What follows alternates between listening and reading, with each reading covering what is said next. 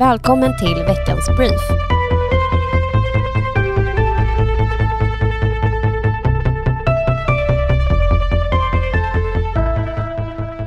Med anledning av det förändrade säkerhetsläget i Europa har det hänt en hel del inom försvarspolitiken i Sverige.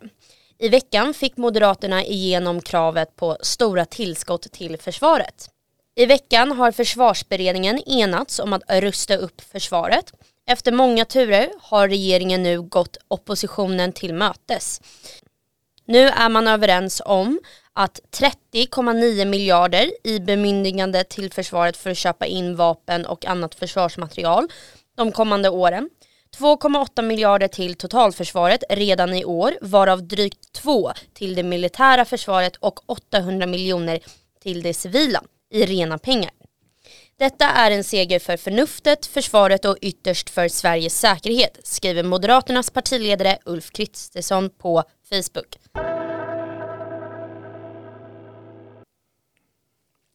Under den senaste tiden har de rekordhöga bränslepriserna diskuterats en hel del, bland annat till följd av den ryska invasionen av Ukraina. Tidigare i veckan presenterade regeringen ett stödpaket där det ingick att skatten på bensin och diesel skulle sänkas till EUs lägsta nivå mellan juni och oktober. En minskad kostnad på drygt 1,3 kronor per liter. Till det ska också tilläggas att sänkningen med 50 öre som tidigare presenterats.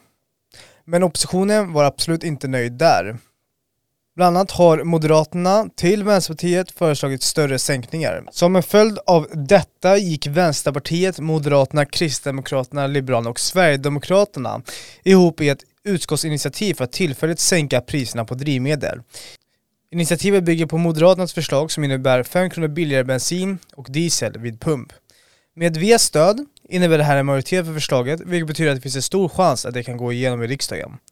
Så här säger Elisabeth Svantesson, ekonomisk politisk talesperson för Moderaterna till Dagens Industri.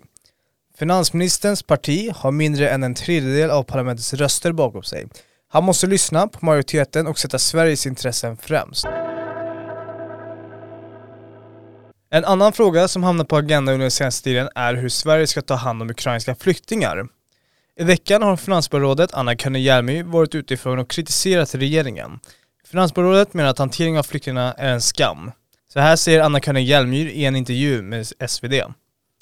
I Sverige verkar vi inte kunna handlägga mer än 30 ärenden per dygn. Det är en skam i det här läget och människor får en mycket dålig start i Sverige. Bemanningen måste stärkas upp och kapaciteten måste höjas, säger Anna Könne Hjelmyr. Och så här säger hon till veckans brief.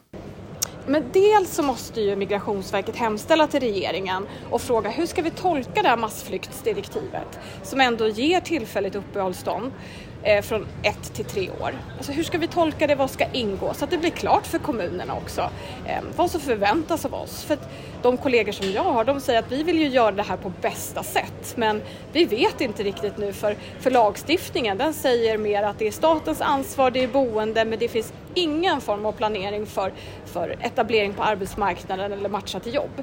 Och då blir det på frivillig basis och då kommer det ju se olika ut beroende på ja, men vilken kommun det berör. Och det är ju inte ett, ett långsiktigt hållbart system. Så att en planering här och nu, Stärk kapaciteten hos Migrationsverket, stärk upp handläggningen så att vi kan få alla registrerade och sen se till att hur ska vi tolka detta massflyktsdirektiv? Vad ska ingå? Och där vill jag vädja till regeringen att ha fokus nu egen försörjning och inte bara dagsersättning på 71 kronor. På temat hur flyktingar ska hanteras och tas hand om debatterade ekonomisk-politiska talespersonen Elisabeth Svantesson för Moderaterna mot finansminister Mikael Damberg i Aktuellt och så här sa hon i debatten. Det beror ju väldigt mycket, precis som Mikael Damberg var inne på, hur det utvecklas. Men jag tror vi ska dra lärdomar från 2015, definitivt.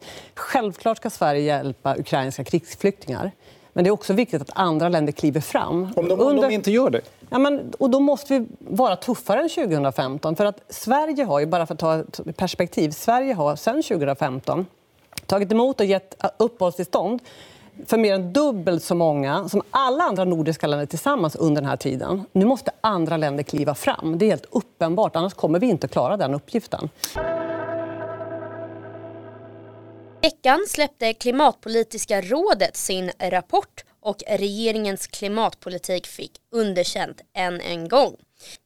Så här säger Moderaternas miljö och klimatpolitiska talesperson Jessica Rosenkrantz om regeringens underkända miljö och klimatpolitik.